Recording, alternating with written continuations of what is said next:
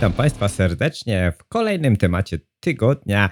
E, Tym razem jesteśmy w okresie poświątecznym przed Nowym Rokiem i proszę Państwa, oto odcinek specjalny musieliśmy dzisiaj nagrać. Musieliśmy nagrać dlatego, że trener Paulo Souza przyniósł polskim kibicom e, na ręce sternika Polskiego Związku Piłki Nożnej, na ręce prezesa Kuleszy, oto taką niespodziankę, informując o tym, że nie zamierza dalej prowadzić reprezentacji Polski, nie zamierza być trenerem biało-czerwonych w tych najważniejszych meczach, czyli w meczach barażowych, w których będziemy bić się z Rosją i ewentualnie ze Szwecją o to, aby wystąpić w przyszłorocznym mundialu. Proszę Państwa, jak zawsze w temacie tygodnia jest ze mną Kasper Cichecki. Halo, halo, witaj Halo, Kasprze. halo, witaj Darku, witam Państwa. Jak oceniasz ten prezent pod choinkę od Paula, Paulo Sousy?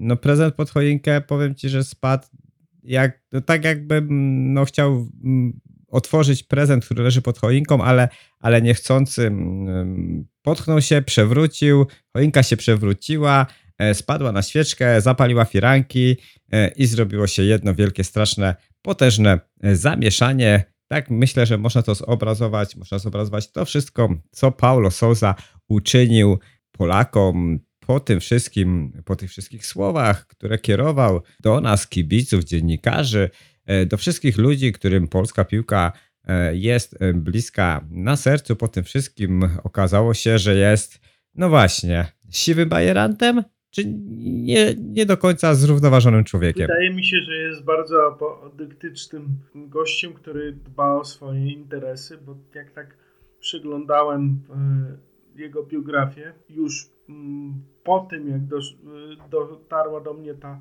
szokująca wiadomość, to w podobnych okolicznościach przecież zostawił Fiorentinę i w podobnych okolicznościach rozstał się z Bordeaux. Czyniąc długą historię krótką, w naturze Paulo Sousy leży to, żeby zawsze dbać o swój interes bez względu na konsekwencje i bez względu też na reakcje, jak, jakie może to, co on zrobi, wzbudzać w ludziach, bo to takie, ja bym to określił, ponieważ interesuję się psychologią i sporo na ten temat czytam. Wydaje mi się, że tutaj ujawnił się u Paulo Sousy trochę rys psychopatyczny, polegający na tym, że mm, właśnie wszystko podporządkujemy, podporządkowujemy, oj dzisiaj język mi się plącze trochę, swoim celom i dziwimy się, dlaczego ludzie nie rozumieją naszego postępowania, ponieważ my mamy jakiś sprecyzowany cel i dążymy do tego celu trochę po trupach. Takim człowiekiem y, wydaje się być Paulo Sousa. Nie zważa na to, co, co wypada, a co nie wypada, jak e, zareagują y, jego współpracownicy, jak zareaguje opinia publiczna w Polsce. On po prostu dostał, tutaj użyję jego słów, ofertę życia z flamenco i z dnia na dzień zmienił swoje myślenie na temat pracy z reprezentacją Polski i postanowił powiedzieć dziękuję, nie jadę dalej, Yy, zmieniam szyld, zmieniam klub, zmieniam środowisko pracy. Jest to dla mnie szok, ponieważ wydaje mi się, że po takich numerach to Paulo Sousa już nigdy nie poprowadzi żadnej europejskiej drużyny, czy to poważnego klubu, czy reprezentacji, bo jednak yy, powiem tu ostro i kolokwialnie, smród będzie się za nim ciągnął. No, dokładnie. Mi się też tak wydaje, że to wszystko, co, co się wydarzyło, em, jednoznacznie e, skreśla tego szkoleniowca, przynajmniej na, na najbliższy jakiś czas, z takiego powiedzmy piłkarskiego mm, poziomu, który, który w Europie jest wymagany. Bo to nie chodzi o, o jego stricte umiejętności, prawda, trenerskie, czy jego warsztat, czy jego wiedzę, tylko chodzi o po prostu pewnego rodzaju zachowania, które, które, które nie przystoją. No, E, jeżeli to było zaplanowane, jeżeli to było w jego głowie od jakiegoś czasu, no bo też musimy się zastanowić, kiedy tak naprawdę e, ta oferta z Flamengo przyszła, tak? Jeżeli ta oferta przyszła już po tym, jak e, było wiadomo, że Polska gra w barażach. Znaczy, w sumie w barażach było wiadomo, że będziemy grać, ale jeżeli ta oferta przyszła po tym, jak już było wszystko ustalone, jak już był terminarz, jak mieliśmy wszystko zrobione, już po powiedzmy e, konferencjach prasowych o tych barażach, kiedy już sztaby szkoleniowe powinny że tak powiem, już wężyć w koło tych przyszłych rywali, to, to zachowanie jest dziwne, nieodpowiedzialne. Powiedziałbym, że skrajnie nieodpowiedzialne. I, i mm, czy tam się, e, czy ta oferta z Flamengo, oczywiście, no jest to klub z, z największy klub w Ameryce Południowej. Oczywiście jest to e, klub, który dysponuje dużym budżetem, bowiem mm, przypomnijmy słuchaczom, jeżeli nie wiedzą, tam już od ponad, ponad prawie, od prawie 20 lat, no może nie 20, gdzieś od 17 bodajże jest jeden sponsor, to jest firma E, potężna brazylijski koncert petrochemiczny Petrobras. To jest tak jakby mm, klub, który sponsoruje rząd właściwie Brazylii, tak? I, I na pewno finansowo stoi dobrze. Natomiast no nie jest to Barcelona, nie jest to Real Madrid, nie jest to nawet e, Aston Villa, tak? Jest to klub, e, który liczy się tylko i wyłącznie w Ameryce Południowej, tak naprawdę.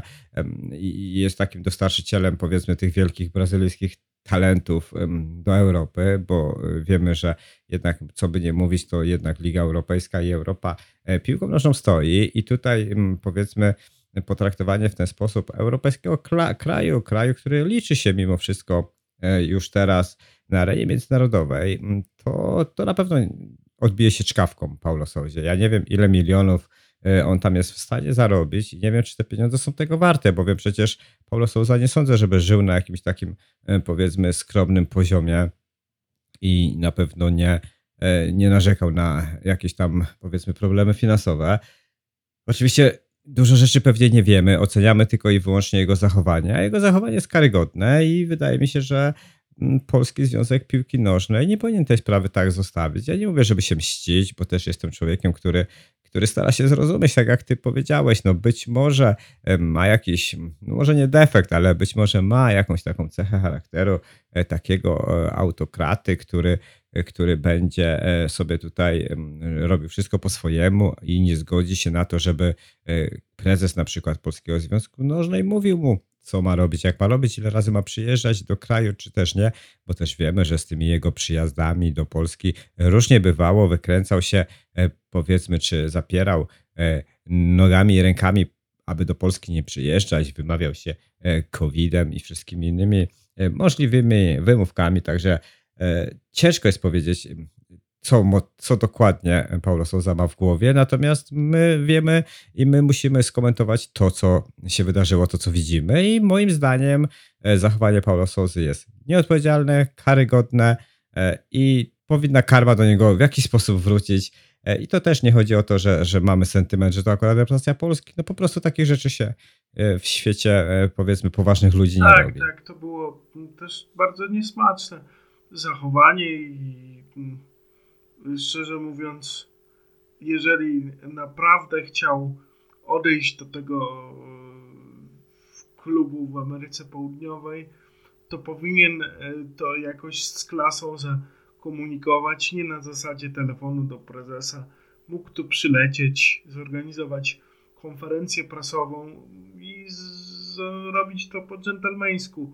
Przede wszystkim powinien moim zdaniem skontaktować się jakoś z zawodnikami. Ja zawsze próbuję się też doszukiwać jakiegoś racjonalnego wytłumaczenia i moim zdaniem Paulo Sousa tak naprawdę nie wierzył w to, że my przejdziemy przez te baraże i wolał być może odejść na tym etapie, żeby pozostawić ten rozdział y, z reprezentacją Polski trochę niedokończonym, bo jeżeli nam się uda przejść przez te baraże, to on będzie mógł powiedzieć, no słuchajcie, ja miałem taką fajną rękę dla tych piłkarzy, taką stworzyłem kapelę, że oni nawet beze mnie stuknęli tą Rosję i załóżmy stuknęli tą Szwecję. A jeżeli nie awansują, no to zawsze może powiedzieć, no zapewne gdybym był ciągle z reprezentacją Polski, to oni by dali radę. I mam jakieś takie głębokie przekonanie, że on naprawdę po tym szczególnie, co się wydarzyło w meczu z Węgrami, trochę zwątpił w możliwości naszej reprezentacji i być może to był taki taktyczny wycof. W jego przekonaniu trochę opuścił statek, który i tak tonie. Tylko pytanie jest następujące: kto zostanie kapitanem tego statku o nazwie reprezentacja Polski w piłce nożnej? Kto jest Twoim faworytem na kapitana tego statku? No właśnie, szczerze mówiąc, powiem Ci, że mm, dlatego się chciałem spotkać e, z Tobą e, dzisiaj po południu, bo liczyłem na to, że zakończy się to tajne, super, super mm, specjalne posiedzenie Polskiego Związku Piłki Nożnej, że będziemy mieli jakieś informacje, no ale niestety Polski, znaczy niestety, niestety, niestety dla nas mm, Polski Związek Piłki Nożnej wydał tylko e, lakoniczny komunikat o tym, że posiedzenie się zakończyło i dla dobra całej sprawy. Żadne informacje w tej chwili nie będą udzielane, jeżeli tylko będzie to prawdopodobnie chodzi o negocjacje kontraktowe z nowym szkoleniowcem lub też o negocjacje e, z klubem Flamengo lub też e, z sztabem tym powiedzmy e, odpowiedzialnym za finanse Paulo Souzy, czyli jego pewnie menadżera o tym, na jakiej zasadzie miałoby to rozstanie tak naprawdę mm, dość. Mówi się tu o kwocie 300-320 tysięcy euro, e, które e, Paulo Souza będzie musiał zapłacić jako odszkodowanie Polskiemu Związkowi e, Piłki Nożnej. Oczywiście mm, tu nie chodzi o pieniądze, bo, bo jak przeliczyć sobie awans na Mistrzostwa Świata, to na pewno te 320 tysięcy ani Polskiemu Związkowi E, nie zaszkodzi ani nie pomoże. E, także to nie jest jakaś, jakaś tam kwota, tu chyba bardziej chodzi o zasady. Natomiast, natomiast wydaje mi się, że e, Polski Związek Piłki Nożnej nie jest jednoznaczny, nie jest jednogłośny. Wiadomo, że tak jak jest skonstruowany statut Polskiego Związku Piłki Nożnej, że prezes tak naprawdę może wybrać sobie trenera sam. Natomiast taki komunikat wydaje mi się, że daje jednoznacznie nam do zrozumienia, że nie ma E, jeszcze e, postanowionego tego, kto będzie, e, że nie ma jedności w Polskim Związku Piłki Nożnej, że te wszystkie powiedzmy propozycje, które pojawiły się w prasie, są gdzieś tam brane pod uwagę. Mi osobiście wydaje się, że to będzie trener z Polski, Natomiast ja bym naprawdę wolał, żeby w takiej sytuacji po, po raz pierwszy, może nie po raz pierwszy, ale Polski Związek Piłki Nożnej, Polska w ogóle jako kraj, e, bo to przecież trzeba zrobić, można to zrobić na linii e, różnego rodzaju, na linii sponsorów, na linii polskich firm, na linii polskiego rządu e, i związku, po prostu zmobilizować się finansowo na tyle, aby ten szkoleniowiec przyszedł naprawdę wielkiej klasy. Przecież to jest tylko roczny kontrakt na dwa mecze barażowe. Jeżeli nie pójdzie, to na dwa mecze barażowe, a jeżeli mm, się uda awansować, to na mundial e, i wziąć naprawdę szkoleniowca z tych, którzy są wolni teraz na rynku i, i z tych e, z pierwszej ligi, którzy zarabiają dużo, dużo pieniędzy, a mają czas, możliwości, wiedzę i są na tyle e, powiedzmy już uznani i, i, mają taki autorytet wśród piłkarzy, że, że naszym chłopakom pomoże, aby, aby awansować. E, I, I, szczerze mówiąc, jeśli chodzi o nazwiska, to, to nie wiem. E, musiałbym się chwileczkę zastanowić, no bo wiemy, że e, na tej giełdzie nazwisk, jeśli chodzi o polskich trenerów, to mamy kilka opcji. Mamy powrót Adama Wałki, prawda? Mamy możliwy, możliwego trenera Michniewicza, który rozstał się przecież z Legią Warszawa, a miał sukcesy z kadrą młodzieżową. Także no Jerzy Brzęczek raczej nie wróci, bo z tego co się orientuję, to chyba będzie w Jagiellonii Białystok.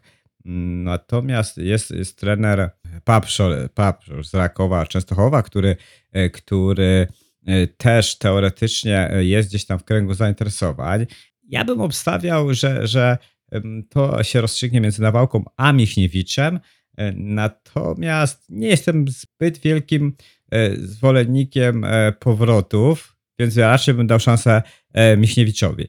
Natomiast jeśli chodzi o, o to, co mówiłem na początku tej wypowiedzi, czyli o takiego trenera z topu, z zagranicy, no to bym szybko przejrzał ten, powiedzmy, taki y, rynek i zastanowił się, kto z tych trenerów wielkich mógłby. To nawet nie musi być przecież ktoś, kto teraz pracuje, ktoś na topie, to może być ktoś, kto jest w piłce, a jest doświadczony E, no nie wiem, no jakieś wielkie nazwisko, to mogłoby też się udać. Także takie jest moje zdanie, ale powiedz mi, e, ty jesteś mm, w Warszawie, ty jesteś bliżej centrali, więc ty na pewno masz jakieś świeższe i lepsze informacje niż ja. w Warszawie ćwierkają, że następcą Sousy ma zostać trener Michniewicz. Ja szczerze mówiąc popieram tę opcję i tę kandydaturę, bo Michniewicz już nieraz udowodnił, że potrafi taktycznie ustawić zespół pod konkretnego rywala. Pracując z młodzieżówką, fajnie budował sobie relacje z piłkarzami i fajnie e, utrzymywał z nimi kontakt poza zgrupowaniami, e, czy to dosyłając im taktyczne e, filmiki, czy to mając z nimi e, regularny kontakt internetowy na zasadzie telekonferencji. Myślę, że to jest trener warsztatowiec, który by fajnie potrafił taktycznie tą naszą kadrę ogarnąć. Ja mam y, w zasadzie jedną wątpliwość dotyczącą Michniewicza i mianowicie to jest pytanie, czy on potrafi zmobilizować naszych piłkarzy na tyle, żeby oni dali z siebie nie 100, a 150% w tym meczu z Rosją. Ja tutaj podzielam opinię y, Tomka Smokowskiego, który powiedział, że być może zadziała tu y, efekt takiej sportowej złości u naszych reprezentantów, czyli oni się po prostu wkurzą i powiedzą, kurczę, ten Sousa nas zo- zostawił i tak nas potraktował, to my spinamy cztery litery i ruszamy do boju i gnieciemy tych Rosjan i Szwedów. Y, Mam nadzieję, że tak się stanie. Co do trenera z zagranicy, ja tutaj trochę się z Tobą nie zgodzę, bo tak naprawdę nie ma zbyt wielu e, dostępnych trenerów e, o uznanej renomie e, na tę chwilę, bo wszyscy gdzieś pracują. E, Mój osobisty faworyt Ralf Rangnick, który zresztą interesował się pracą z reprezentacją Polski i był w kontakcie z PZPN-em wtedy, kiedy Paulo Sousa został selekcjonerem. Ralf Rangnick niestety pracuje w Manchesterze United. Dobrze dla Manchesteru, dla nas trochę gorzej. Z tych utytułowanych, no to nie ma e, nikogo dostępnego na rynku. Ja dzisiaj e, słyszałem dosyć egzotyczną propozycję, mianowicie taką, żeby zaprosić e, do współpracy z Michniewiczem trenera Jerzego Engela, bo jakoś y, autor tej tezy wierzył, że Engel potrafi fajnie motywować i fajnie y, inspirować drużyny. Też sprawdził się jako selekcjoner reprezentacji, wprowadzając nas po 16 latach do Mistrzostw Świata. To była chyba Korea i Japonia, z tego co pamiętam, ale Tak, to, to, na, to, to na pewno była Korea i Japonia. Przy czym no, pytanie jest takie, czy e, trener Engel jest w stanie teraz e, pracować z reprezentacją, chociaż reprezentacji podobno się nie odmawia i o tym też mówił Adam e, Nawałka. Tylko czy pamiętasz, jacy, ja nie mówię, że gorsi, czy bardzo, czy dużo gorsi, jacy piłkarze grali wtedy, jak ta drużyna była budowana przez Engela, a tu jednak jest zupełnie troszeczkę sytuacja inna i Nie wiem, czy, czy tak naprawdę, no bo co ten, co ten trener Engel miałby, miałby niby e, Michniewiczowi, w czym miałby mu pomóc? Przecież e, trener Michniewicz też e, ma swoje metody motywacyjne i na pewno, na pewno chyba nie życzyłby sobie, żeby ktoś mu wygłaszał, nie wiem, mowę przed meczem, no bo chyba jakby to miało działać? No, być może to by był taki tandem, który by się wzajemnie uzupełniał. Aczkolwiek nie wiem, nie wiem, czy to jest rozwiązanie, które będzie rozpatrywane. Ja mam duży szacunek do, mm, do fachowości y, Jerzego Engela.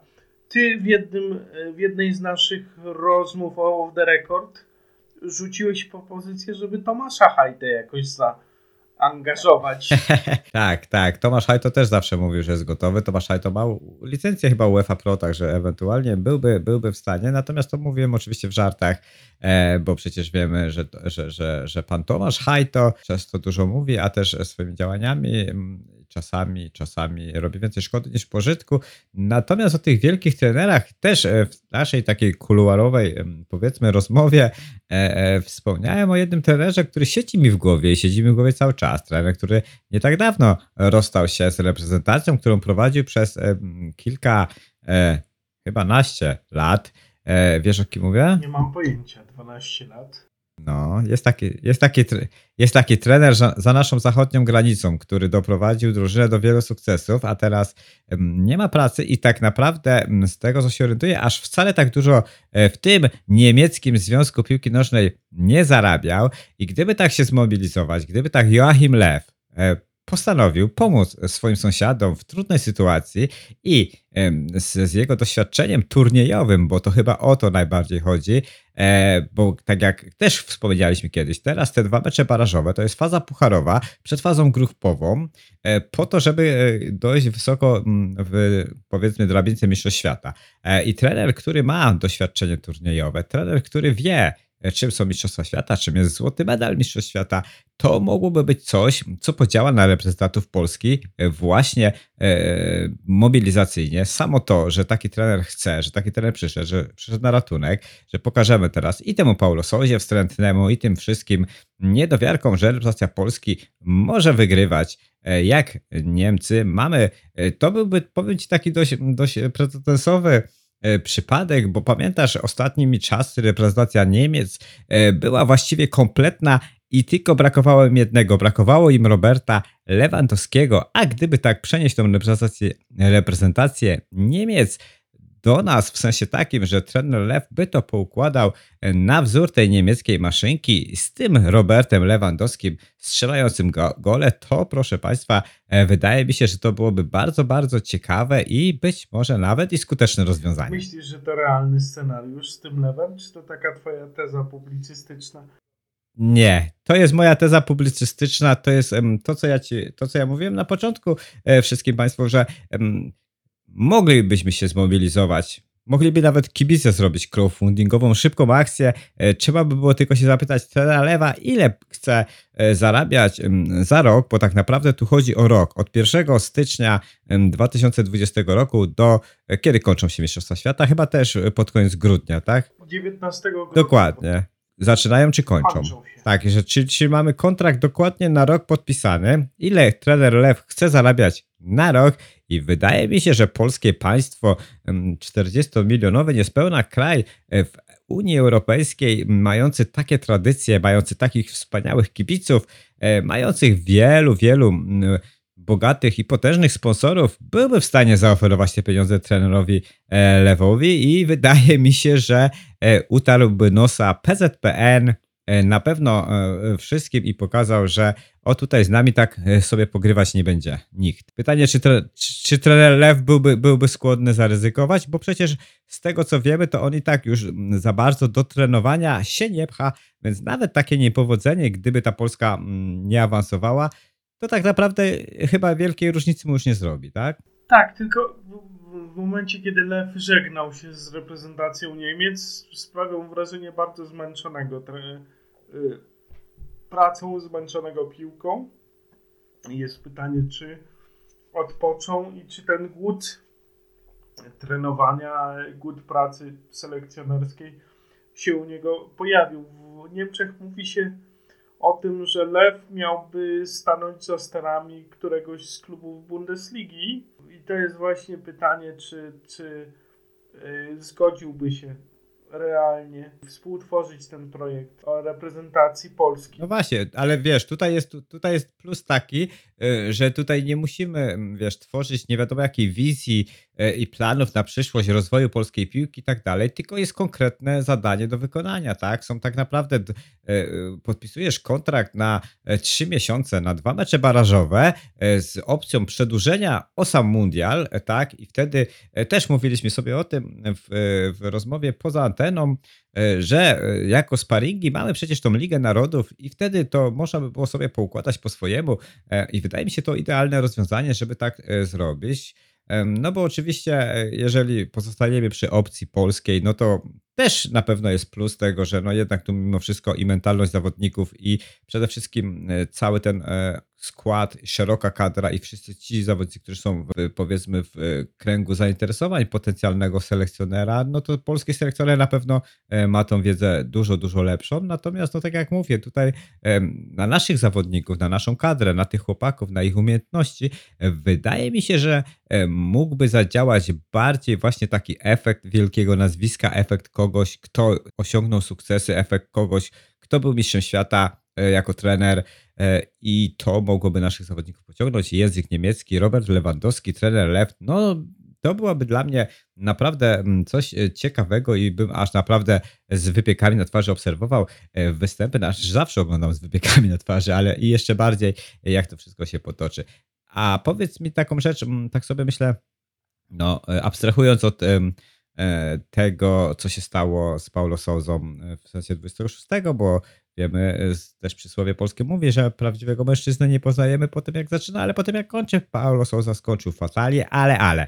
Mm, Powiedz mi, mm, jakieś plusy, a jakie minusy e, tego roku z Paulo Souzą? Znaczy, ja tu może zaskoczę naszych słuchaczy, ale ja widzę jeden plus. Mianowicie taki, że pokazaliśmy, że z tymi topowymi drużynami możemy grać na zasadzie o otwartego, ofensywnego futbolu. No chociażby mecz na Euro z Hiszpanią, czy mecz yy, na Narodowym z Anglikami yy, pokazał, że potrafimy z tymi topowymi e, europejskimi drużynami grać jak równy z równym i grać wysokim pressingiem na dużej intensywności, że mm, nie stosujemy tego typowego polskiego chowania się za gardą i czekania na kontratak, tylko fajnie, ofensywnie y, gramy, nawet z tymi najlepszymi, wykorzystując nasze atuty w napadzie, czyli Zielińskiego, czyli Klicha, czyli Modera, czyli przede wszystkim naszego super strzelca i najlepszego piłkarza świata. Będę to y, konsekwentnie powtarzał Roberta Lewandowskiego.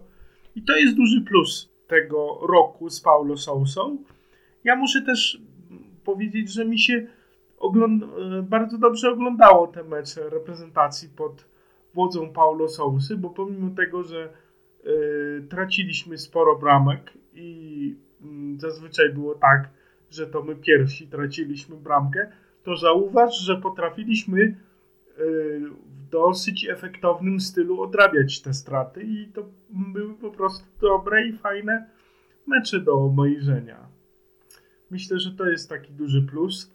Co do minusów, no to w zasadzie ta kompromitacja naszej reprezentacji w pierwszym meczu na Euro, w meczu ze Słowacją, gdzie pokazaliśmy, że y, nie potrafimy się z, y, zmobilizować na mecz z, grupio, z grupowym słabiakiem i tutaj y, ewidentnie zawiódł Sousa, y, bo po czasie wyszło na jaw, że on tak jakby zlekceważył Słowację i nastawił się na mecz z Hiszpanią i potem ze Szwecją. Gdybyśmy oczywiście wygrali ze Słowacją, nasza sytuacja na euro wyglądałaby całkiem inaczej. I też ten czas Paulo Sousy to, to taki czas, kiedy nie byliśmy nigdy pewni, co ten y, portugalski siwy bajerant wymodzi, jeżeli chodzi o skład. Lubił zaskakiwać. Czasami y, te jego wybory były trafione, częściej te jego wybory były nietrafione i kontrowersyjne, ale tak jakbym uczciwie miał to podsumować, to ja jednak będę trochę tęsknił za Sousą, dlatego że naprawdę dobrze się oglądało te mecze polskiej kadry pod jego wodzą. A ty widzisz jakieś pozytywy yy, roku pracy Portugalczyka w Polsce? Tak, sporo tych widzę pozytywów i też przecież nie będę teraz nagle twierdził, że nie byłem zwolennikiem Paulo Souzy, bo byłem. E, Wydaje mi się, że jego podejście do e, futbolu, jego filozofia futbolu jest fajna, jest taka, jaka lubię. Jest to, jest to, jest to mm, trener, który chce strzelać gole, który chce kreować akcje e, i to jest fajne. Natomiast em, plusem dużym, już tak abstrahując od, od, od tego wszystkiego, już nie, nie chodzi mi o osobę trenera, o to wszystko, tylko e, samo tak powiedzmy merytorycznie, warsztatowo. mm, Plusem na pewno dużym jest to, że otworzył naszą reprezentację na to 3-5-2, mm, że pokazał, że można, tak, że nie jesteśmy zamknięci w tej powiedzmy 4-4-2 e, taktyce, że, że mamy opcje taktyczne, że, że mamy zawodników, którzy są w stanie to robić i wcale nie musimy się trzymać kurczowo, tak jak mówiłeś, naszej gry za podwójną gardą. E, Wydaje mi się, że pokazał Paulo Souza jak wielu zawodników mamy uniwersalnych, jak zawodnicy potrafią się przestawiać w meczu e, z jednej, z jednej taktyki na drugą. E, I to jest ważne, e, bo teraz futbol taki jest. Futbol jest dynamiczny, e, sytuacje w meczu się zmieniają e, i potrafić się przestawić. To jest też to, o czym mówił Robert Lewandowski, e, za co tak bardzo cenił właśnie Pepa Guardiolę, który przygotowywał przez tydzień odprawę, e, przepraszam, przygotował przez tydzień taktykę na jakiś mecz. Wszystko było super, każdy miał swoje zadania, wszyscy byli przygotowani e, na 100%, a on e, po 15 minutach meczu kazał wszystko zmienić i, i, grać zupełnie co innego. Także widząc, że, że, że na przykład trener drużyny przeciwnej przejrzał go i potrafił wszystko szybko zmienić m, i to tak em, właśnie funkcjonowało troszeczkę też u Paulo Souzy, y, że te jego nietrafione decyzje, powiedzmy, składu wyjściowego czy ustawienia taktycznego były szybko, e, w miarę szybko wychwytywane, że, że nasi chłopcy potrafili się przełożyć mm, z jednej taktyki na drugą, że potrafili otwierać te strefy boiska, e, które były takie dla nas zawsze newralgiczne i mieliśmy tam dużo problemów. No ja, że ja przypomnę tylko właśnie mm, te występy pod wodzą Jerzego Brzęczka, gdzie owszem nie traciliśmy bramek, ale z przodu było naprawdę e, bardzo, bardzo krucho i, i, i ten męczący się Robert Lewandowski gdzieś tam walczący z czterema przeciwnikami, strzelający e, jeden, oddając jeden strzał w e, tam 80 minucie z połowy boiska. To wyglądało fatalnie. E, Pokazał Paulo Sousa, że Polacy potrafią, że, że mamy do tego możliwości. Być może e, był rzeczywiście zbyt uparty, być może rzeczywiście brak powołania na przykład Szymańskiego, który został przecież po raz kolejny w Rosji uznany za zawodnika chyba sezonu, w 11 sezonu całej ligi.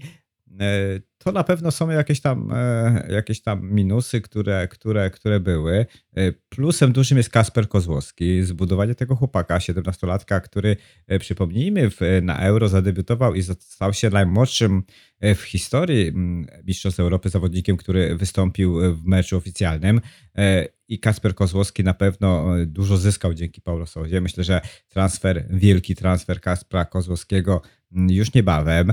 Natomiast e, no, Paulo Souza pokazał, że my mamy problemy w obronie, że ta nasza wymiana, znaczy jego taktyka i to wszystko pokazało i myślę, że on się na tym też troszeczkę zawiódł, że mm, ta nasza zmiana pokoleniowa w defensywie e, niestety nie, nie wygląda najlepiej. Owszem, no jeszcze do tego doszła teraz kontuzja Dawidowicza, a być może to też podłamało Paulo Souzę i już był e, kompletnie zdezorientowany, nie wiedząc jak ustawić tą e, defensywę, no bo wiemy, że Kamil Glik e, mimo szacunku dla jego osiągnięć, e, to już nie jest ten sam Kamil Glik. Ciągle jest to e, zawodnik, który w kadrze daje 200-250%, ale e, o tym, jak Kamil gra, wiedzą też już rywale i, i wiedzieli o tym na przykład Anglicy, e, prowokując go. Cały czas pamiętamy, co się działo w meczu z Anglią.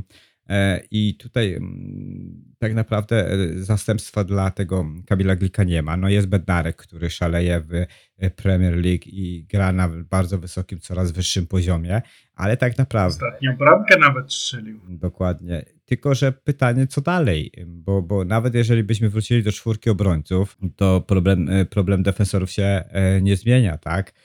Więc mamy młodych chłopaków, którzy jednak mimo wszystko mogą nie udźwignąć tej presji. Tutaj na pewno jest, e, jest, jest bolączka i dlatego wydaje mi się, że tutaj mm, z kolei właśnie e, trener, który, e, który jest bardziej mm, powiedzmy zimplikowany defensywnie byłby dobry dla reprezentacji Polski, żeby jednak mimo wszystko tych meczach baraszowych będzie chyba najważniejsze, żeby nie stracić gola, prawda? A mając potencjał z przodu, mając najlepszego piłkarza świata Roberta Lewandowskiego, jest duża szansa na to, że, że powiedzmy tak brzydko mówiąc coś z przodu wpadnie, tak? Więc tu mi się wydaje, że mm, że, że tak to wygląda, jeśli chodzi o podsumowanie Paulo Souzy, czyli plus za Świderskiego, plus za Kozłowskiego, za zbudowanie tych chłopaków, e, o czym też kiedyś mówiliśmy, natomiast, natomiast e, no, brak e, powiedzmy opcji e, w defensywie, mimo tych różnych prób, które robił niekonsekwentnie e, e, i też, też nie do końca podobało mi się to, co mówiłeś ty, czyli te jego roszady w składzie. No przypomnijmy sobie, jak e, grała reprezentacja Anglii, reprezentacja Włoch przez ostatnie kilka lat.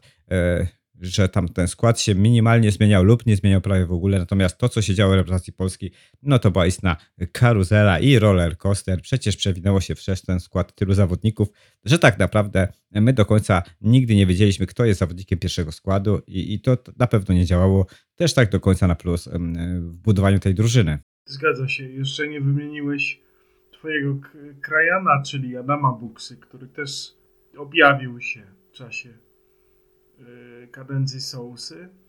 Jest tych kilku naszych młodych zawodników, których on zbudował i natchnął.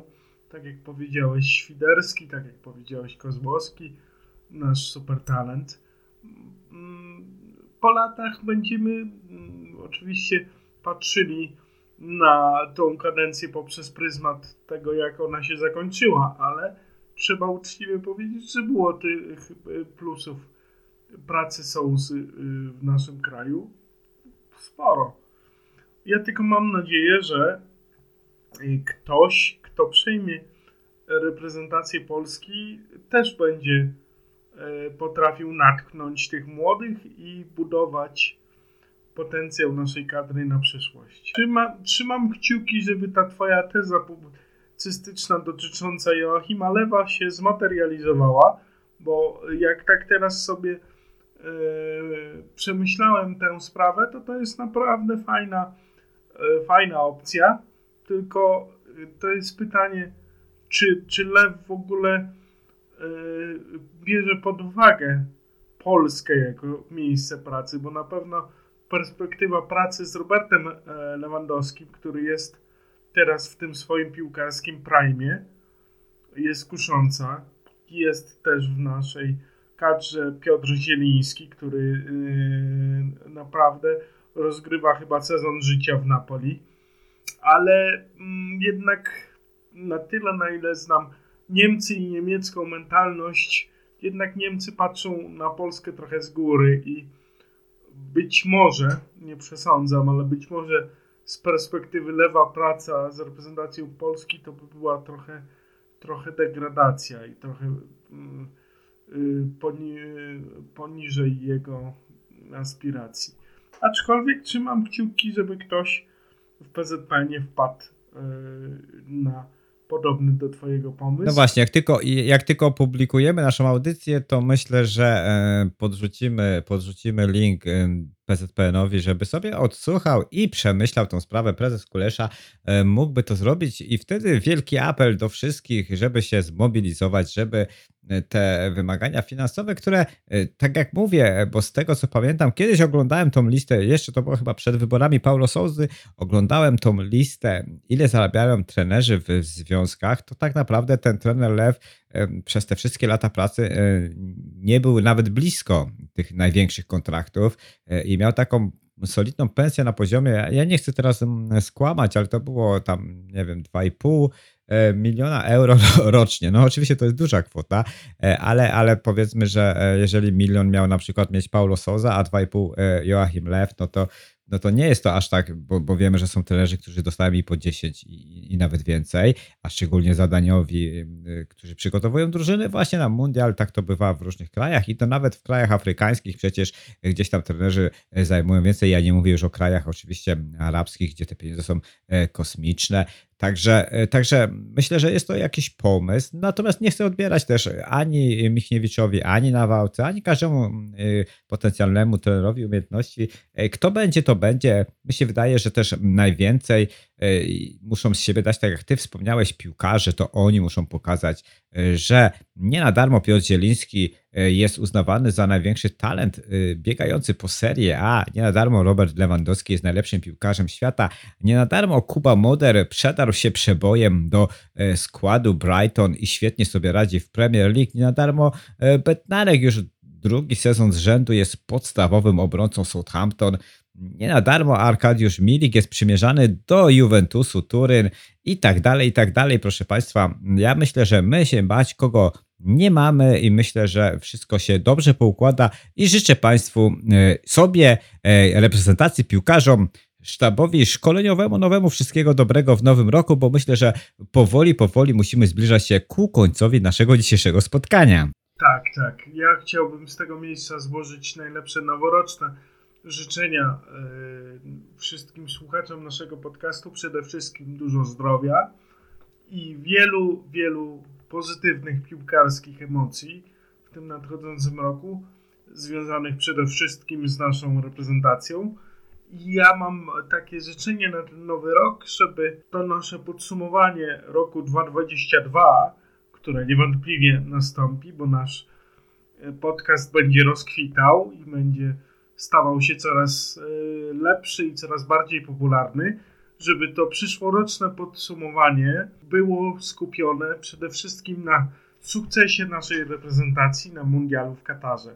Ponieważ jak za rok będziemy podsumowywać ten rok 2022, to będziemy na świeżo po mundialu w Katarze. I ja sobie i tobie, Darku, życzę, żebyśmy mogli w czasie tego podsumowania opowiadać o tym, jak świetnie nam poszło na tym mundialu. Tego się właśnie trzymajmy i, i tak jak mówiłem, proszę Państwa, na nas już czas.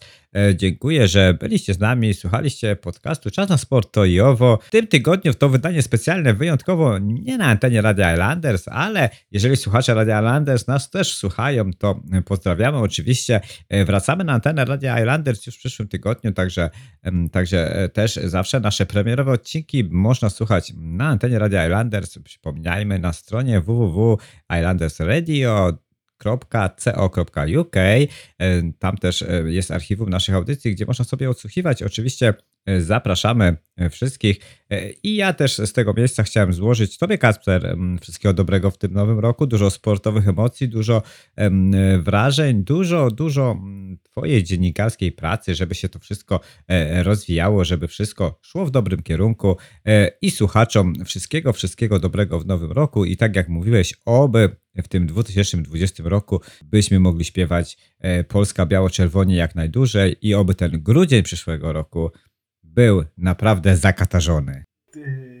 Też y, tobie i sobie życzę takiego Kataru w grudniu. Trzymajcie się ciepło. Do, Do usłyszenia. Do usłyszenia na falach Radia Islanders i na falach Dziękuję serdecznie. Tobie za dzisiaj i słyszymy się już niebawem. Dziękuję pięknie. Ciao.